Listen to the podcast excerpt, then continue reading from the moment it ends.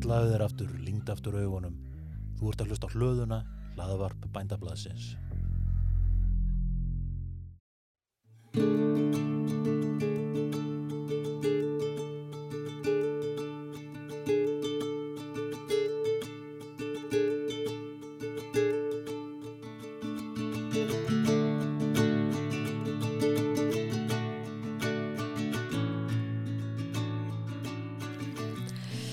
Komið sæl, hefst þá 50 þáttur hlaðvarps Havari, samtal um lífræna framleiðslu. Hvergi í heiminum er hlutfall lífræna afurða herra í stórvöruverslunum og í Danmörku. Þetta er engin tilviljun, heldur líkur að baki 30 ára markvis vinna í þessa átt. Vinna sem hefði ekki skila jafngóðum árangri ef stjórnvöld hefði ekki markað sér stefnu í þessum efnum. Vegna þessa er Danmörk orðin þekkt og virt matvala þjóð sem framleiðir hágeða mat sem seldur er um heima allan. Berglind Hersler heiti ég og er umsjónamaði þáttarins sem er unnin í samstarfi við vor og bændablaðið. Í öllum fyrir þáttum hefur danska leiðin svo kallaði verið nefnt en það er svo leið sem Danir hafa farið í viðleitni sinni til að auka og ebla lífrænaframleiðslu og er svo leið leitt af samtökunum lífræn Danmörk. En þess má geta að nú hefur átagsverkefni verið hrundið af stað hér á landi undir heitinu Lífrænt Ísland. Verkefnið er stutt af atvinnu og nýsköpunaraðunitinu, auk bændasamtaka Íslands og það er vor sem leiðir verkefnið.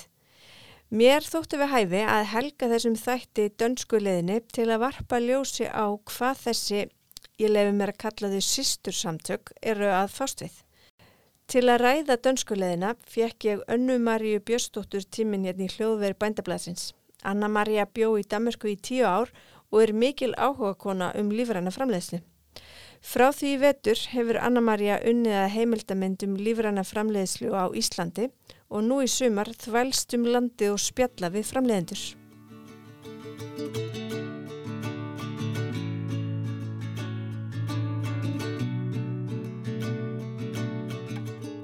Anna-Maria, hvaðan sprettur þessi áhuga á lífræði framleysli? Sko, uh, maðurinn minn er danskur og hann er alin upp á lífrænum bóndabæ í Danmarku og það er eiginlega þegar ég kynist honum sem ég fyrst bara fyrir að hugsa um lífrænt eða borða eða kaupa lífrænt. Ég hafði ekkert gert það áður. Mér fannst einhvern veginn hálf fáranlegt að þeim tíma sem fátakur námsmaður að fara að kaupa mjölk sem væri þrjusasunum dýrari heldur en hinn en hann gerði alveg á þess að hika þó að hann væri líka fátökun námsmaður á þeim tíma.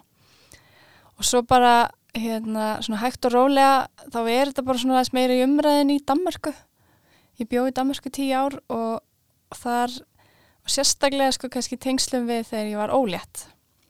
Þá þá er einhvern veginn þá er maður mjög fljótur að finna upplýsingar um að já þannig kannski alveg gott að borða svolítið lífrænt og það skipti máli.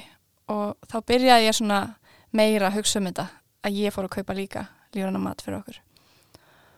Og svo þegar ég fór að gefa börnunum mínum mat þá kom ekkit annað til greina en að þau fengi lífranna mat.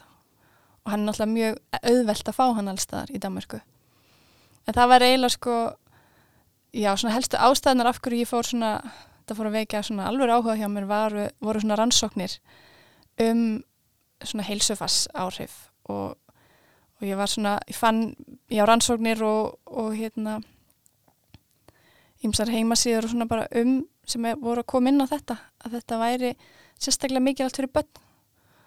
Og svo eru leikskólar í Danmarku líka með hérna, það er alltaf að koma í ansi marga leikskóla.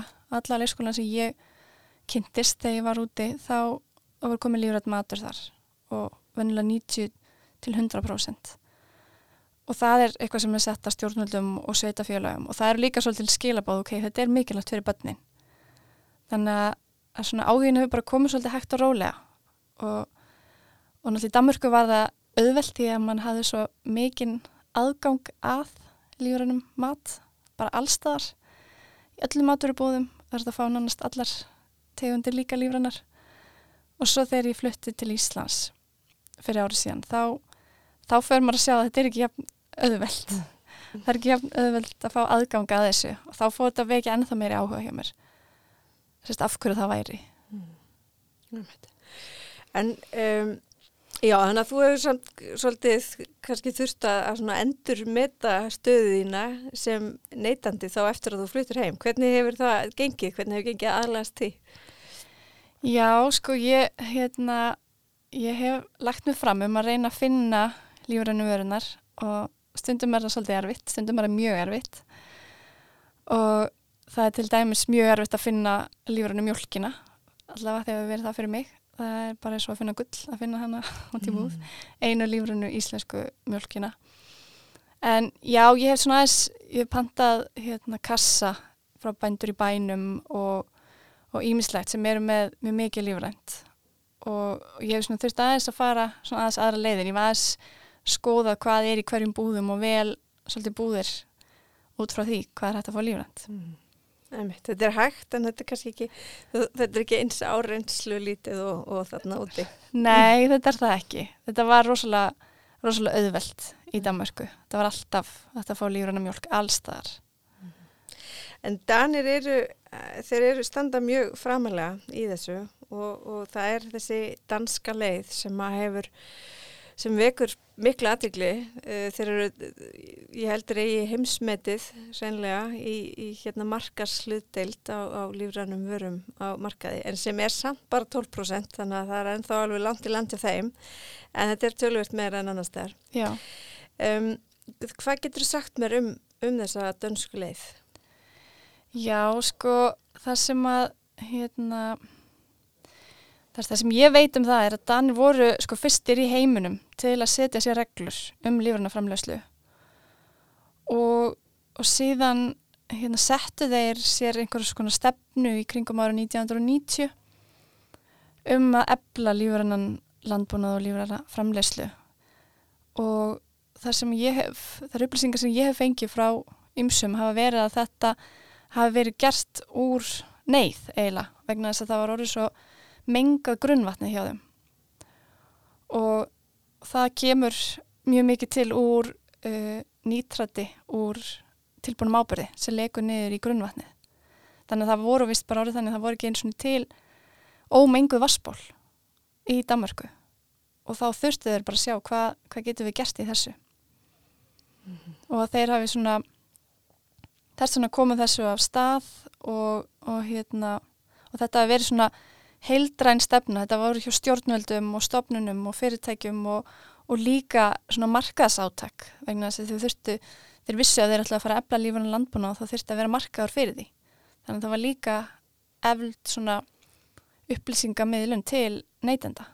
Um, Þú hefur mikið spáð í uh, svona líðhelsu vinklunum á þessu. En svo uh, varðandi þú vorust að segja að þú gefur bara börnunum lífrannan mat og svo framvegs hvað er það í því sem að sem að hérna, tala til þín?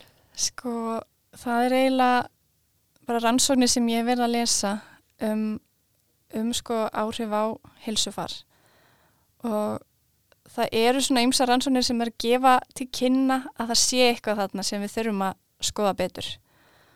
Og þetta geti verið að hafa áhrif á taugaþraska batna og, og það eru ímis, það eru búin að koma nokkar stóra rannsóknir sem er að sína að það eru, það eru aukinn tíni krabba meini hjá fólk sem að í rauninni neytir fæði með meiri eituröfnum í og svo les og það eru fleiri fæðingagallar hjá börnum og það eru ímislegt svona afnæmi ímsir sjúkdómar og svona.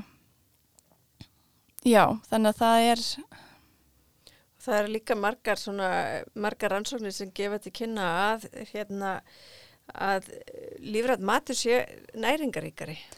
Já, það eru, það eru margar, það eru rannsóknir sem að sína það að það eru fleiri og fjölbreyttari næringarefni í matnum þó hann líti kannski eins út og sér þetta ekkit utan á þeim. Og, og það er náttúrulega oft vegna þess að hann vex aðeins hægar og þá er hann að taka meiri næringarefni upp úr, úr moldinni og úr jörðinni. Þannig að það sé aðeins meiri matur í, meiri næring í matnum. Mm -hmm.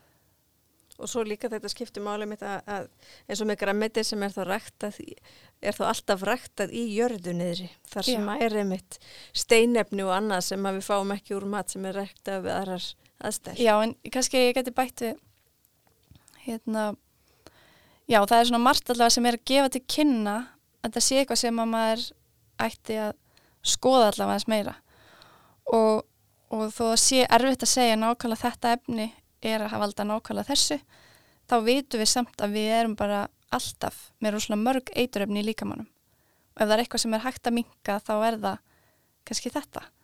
Vist, við erum líka með eituröfni úr, ímsu öðru í, í kringum okkur sem að fara inn í líkamann okkar.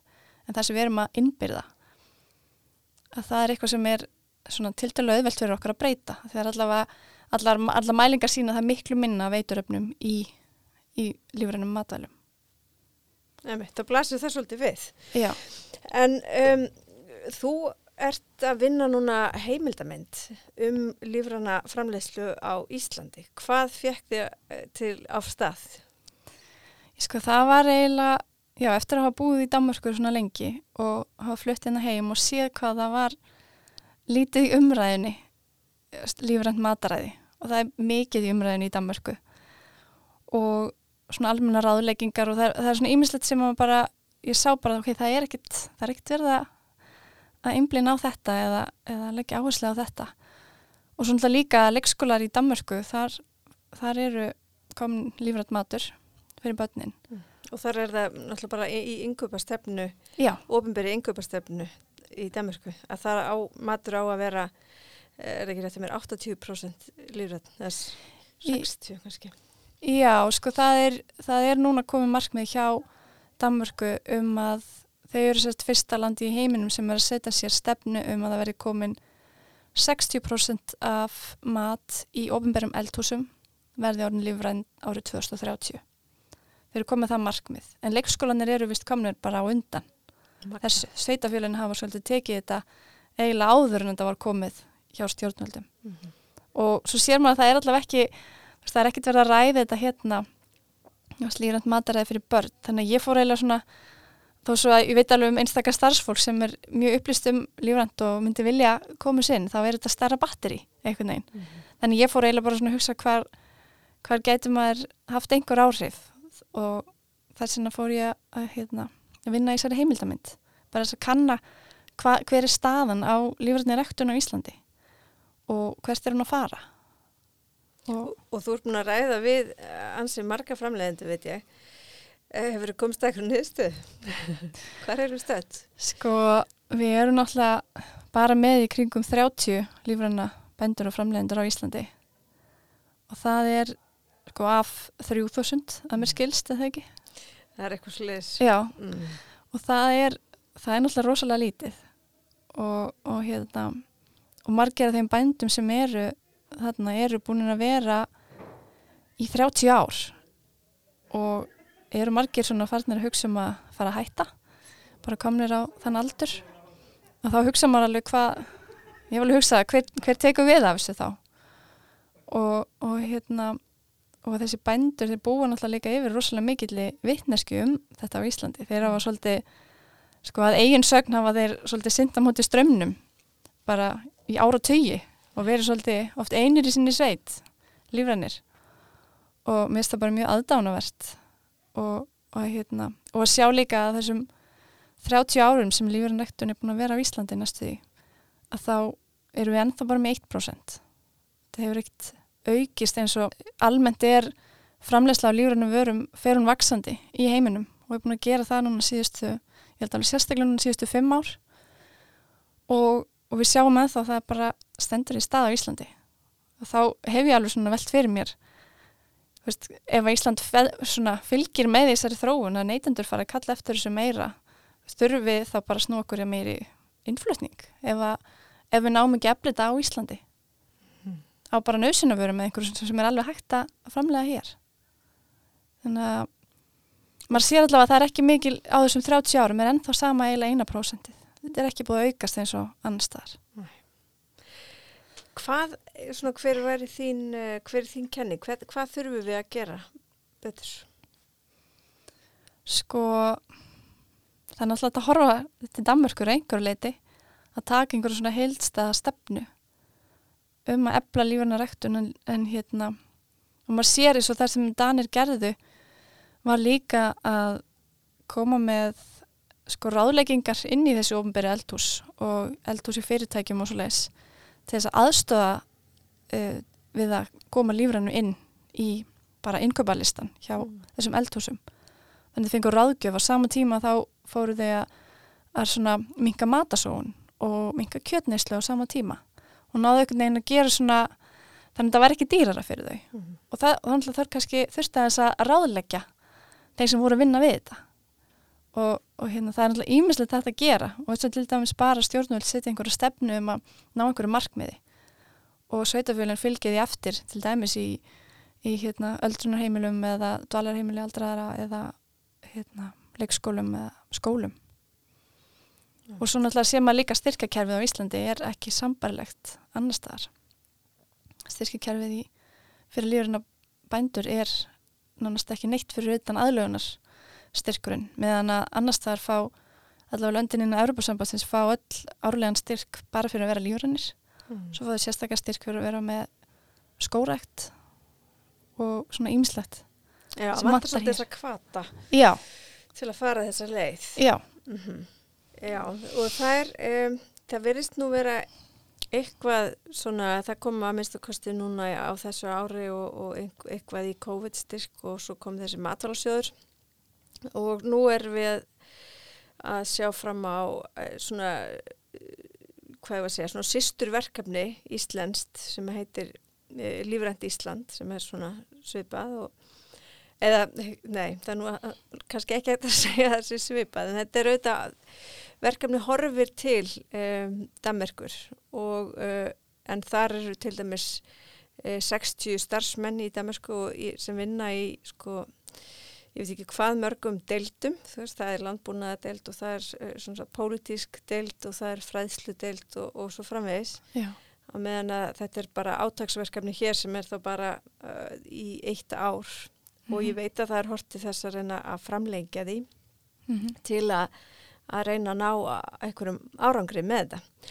Og það er þetta samtal líka þarna hjá þeim Eh, ég veit að sko í, að þess, í þessari dönsku leið þá er þarna starfsfólk sem er svona svolítið svona milligöngu fólk, milli bænda, milli framleiðenda, milli stórveslana og, og hérna þannig að einmitt ef einhver kemur og segir ég finn hverki lífranna mjölk og þá tekur starfsmæðan upp síman og ringir í bændur og segir hvernig, hvernig það? Geti ekki farið að, að svissi yfir til þess að framleiðendur finni það beint að það sé eftirspurn. Já, og það, það sé einhver svona þarna úti sem er að kalla eftir þessum vörum að því auðvitað er þetta er þetta mikil skuldbinding fyrir bændur að skipta og þetta er dýrst Já. og svo framvegis. En, en einmitt eins og þú segir þá er þetta kannski samt alltaf fyrst og síðast þessi stefnumótun sem að þarf til.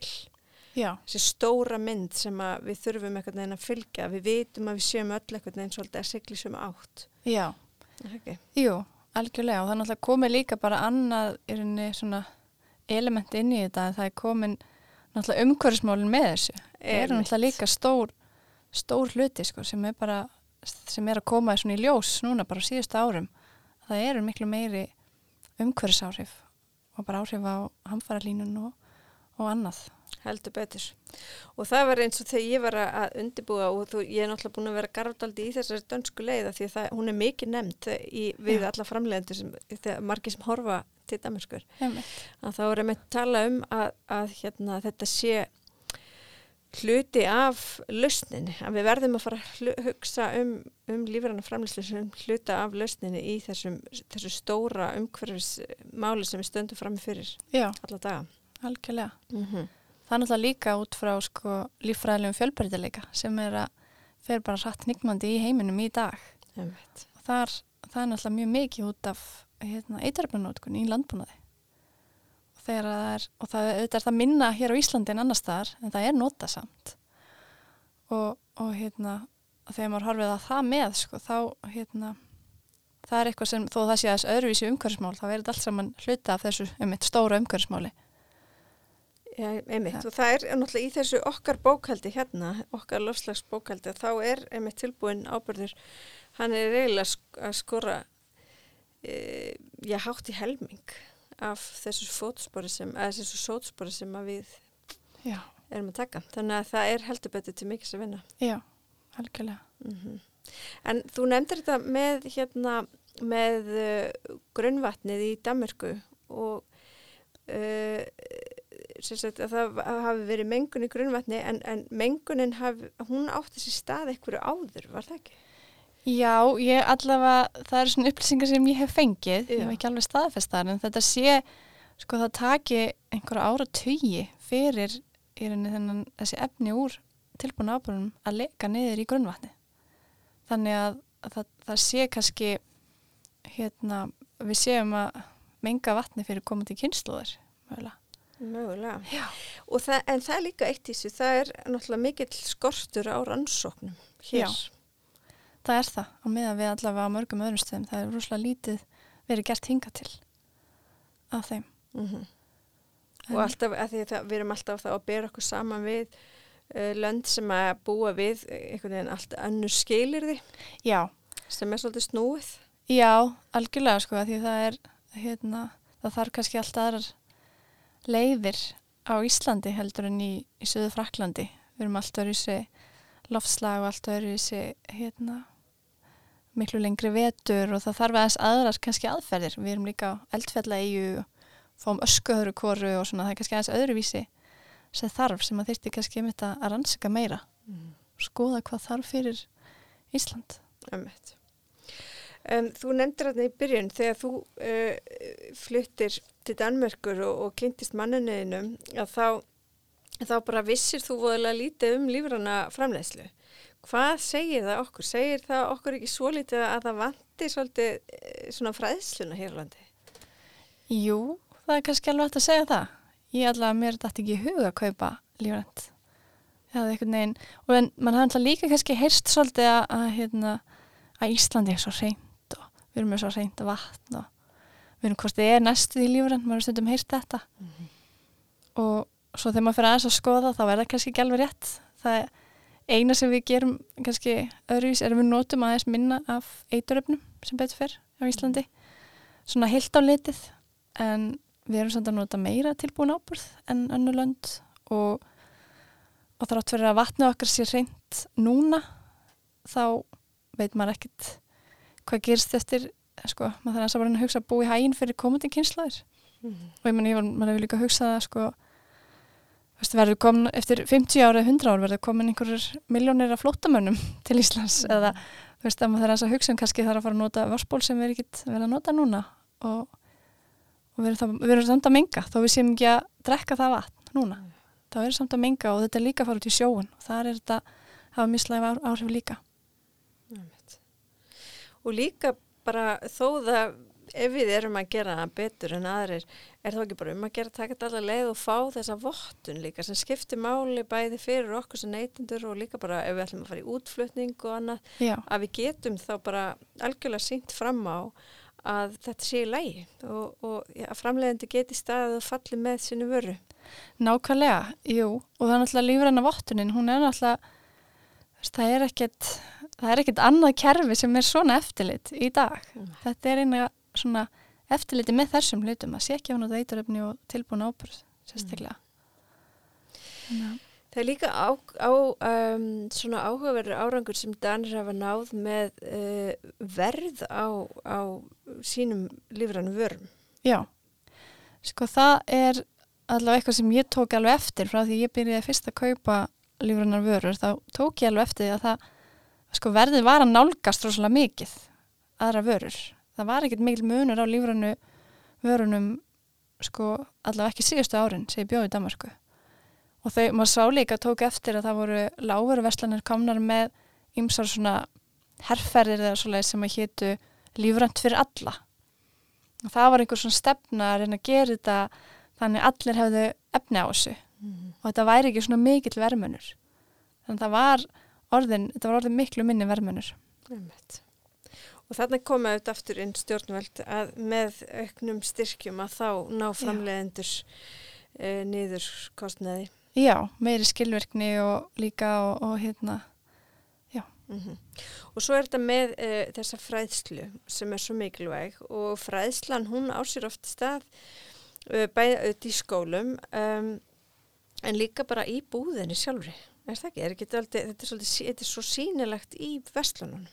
Já, sko, allavega í Danmörku var það þannig að þú gast alltaf valið um, þú varst eiginlega komið með nánast alla vöruflokka, gastu valið um lífrana eða ekki lífrana. Mm Og það var nánast niður í sko uppþóttatöflur og hérna keks og hvað sem er. Og alltaf hlið við hlið. Alltaf þetta er hlið ekki við hlið. spes lífræn deilt sem einhverjir ákveðin hópur fer alltaf. Nei. Heldur er þetta alltaf, þú hefur Þetta alltaf þetta val. Já, Þetta er þetta. Mm og þar var sko mjölkurkælirinn fyrir lífrannamjölk og ekki lífrannamjölk var næstu alveg jafn stór. Þetta Já. var alveg, og sko tölunar allavega segja að það sé hérna mjölkin, mjölkur, ostur og egg eru með sko lífrann mjölk, ostur og egg eru með 27% markaslutild á markanum, þannig það er rosalega mikið. og það er vist ein, eina hverjum þremur lítrum af mjölk sem seldi í Danmarku er lífræn og í skólunum er þetta orðið þannig að það er eina hverjum tveimur lítrum af mjölk sem börn drekka þar er lífræn Mhm. þannig þeir eru komin svolítið langt með þessar svona þessar nöðsina vörur eða þessar svona Já. aðal vörur. Það er mjög áhugavert. mm.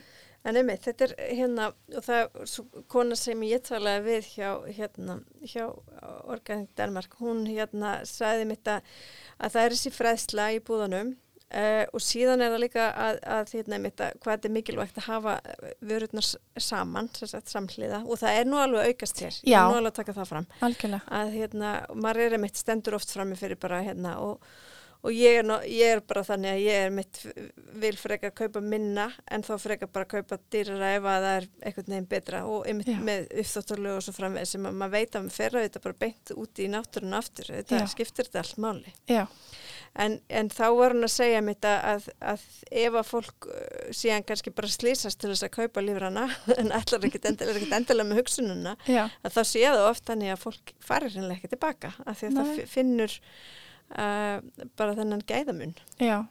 Þess, að mér það finnst ég finna það allavega veist, þegar ég, er þegar ég hérna, á græmmeti og ávustum og svona mér finnst ég finna mun. Og Það ekki sko- já, byttu fyrir þér. En alltaf Danur er líka búin að koma upp að þarna kerfinu sem að heitir ökológisk spísemegi sem er svona einhvers konar svona gull, silfur, brons fyrir veitingastadi og fyrirtæki og stopnanir um að koma þeim í þar sem þau fá þau eru annarkort með 30-60% lífrænt á sínum matseli eða sínum ráefnum eða 60-90% eða 90-100% þá eru þau með gullið. Og þetta er eitthvað svona sem að hefur sko veiti sem að hefur haft mjög jákvæð áhrif. Að þá er þetta sem sagt tengt við matvæla eftirlitinu skilst mér. Og þá er þetta kannad allt saman lífur bókaldið hjá Mm. þeim og, og, og þetta sé svona góðu kvati, eru með flotta heimasíðu þar sem þú sér kort af Danmörku og getur bara séð ef þú þið langar að borða lífrænt. Þannig veitingastæður þessu hverju sem er lífrænt.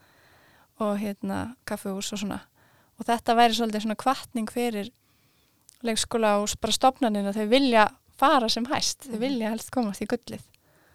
Þetta er svo frábært af því að þá líka fyrir fólk uh, fyrir fólk af stað. Já. það er líka svo mikilvægt að, að hérna, einmitt að hvetja þú veist, endilega prófa að byrja Já, og hérna sjá, sjáum hvað þetta fer. En því að kannski svolítið mikil skuldbindinga ætla að fara sér alla leið Já. á, á nú leitni sko. Emitt, þannig að þetta er mjög sniðut emitt og mjög sniðut er raunni sko að horfa það að hérna, við erum náttúrulega að henda rosalega mikið á mat í dag.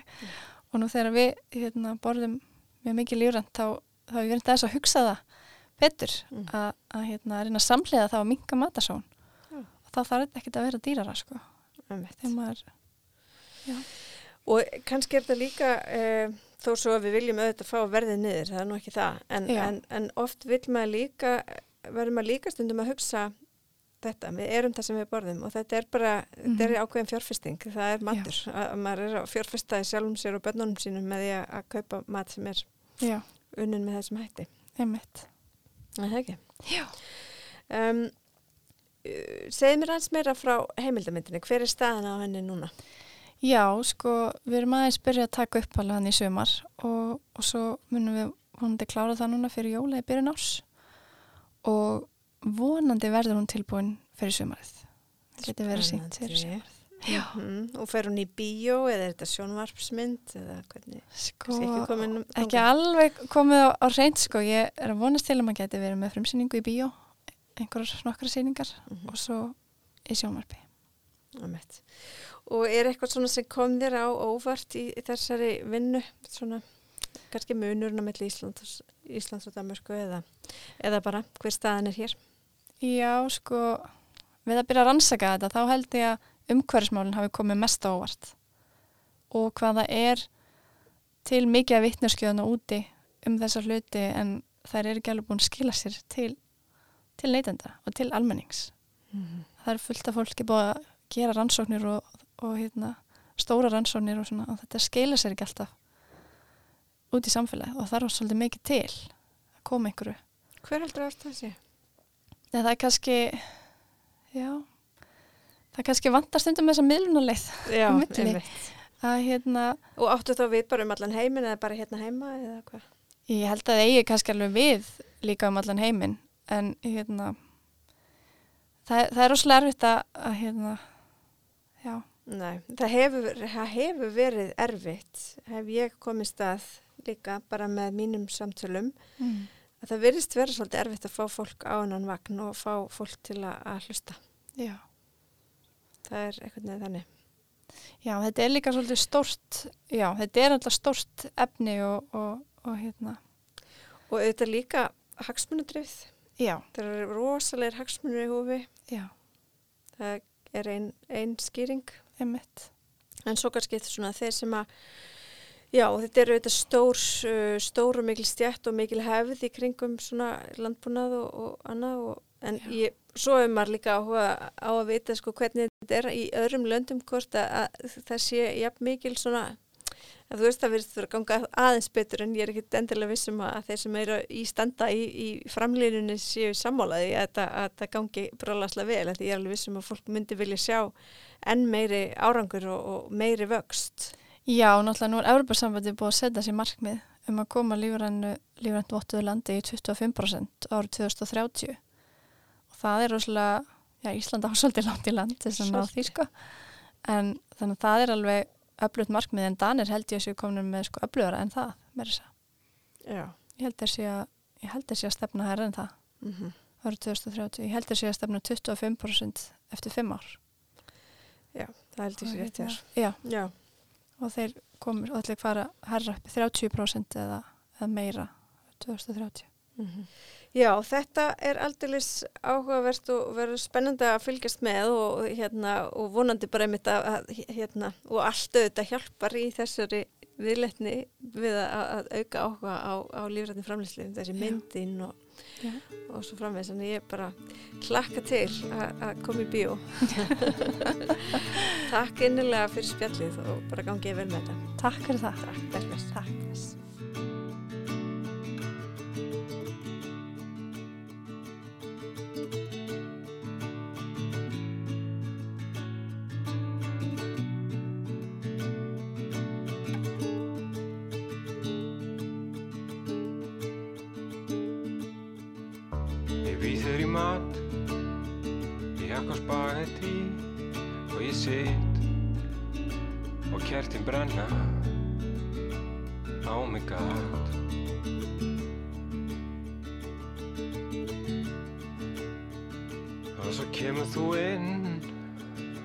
Þú tókst með pappa þinn Sem að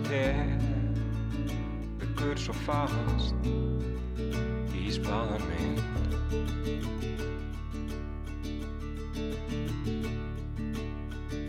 Hverra manna er þú?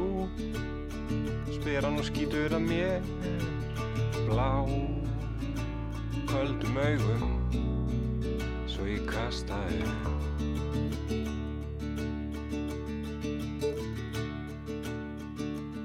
kjólinn þinn Og kvöldmatinn Og föður þinn Sem að tekur í lurginn Á mér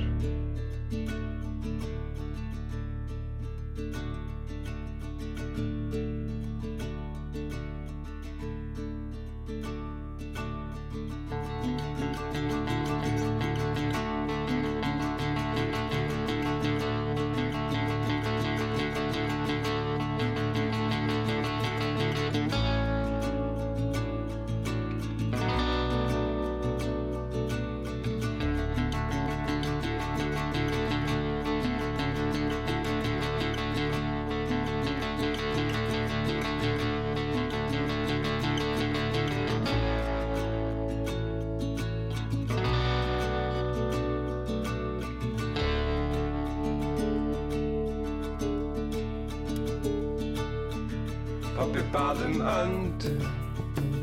Nú missir hann sig en ég en ég vissi ekkert um hans líf.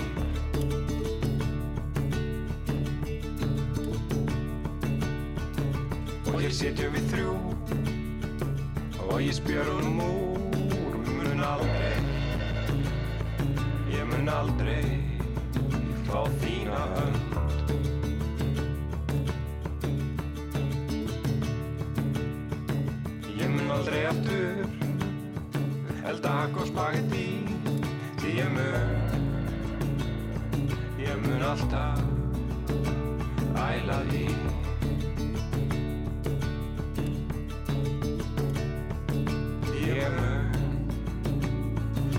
mun alltaf. Æla því.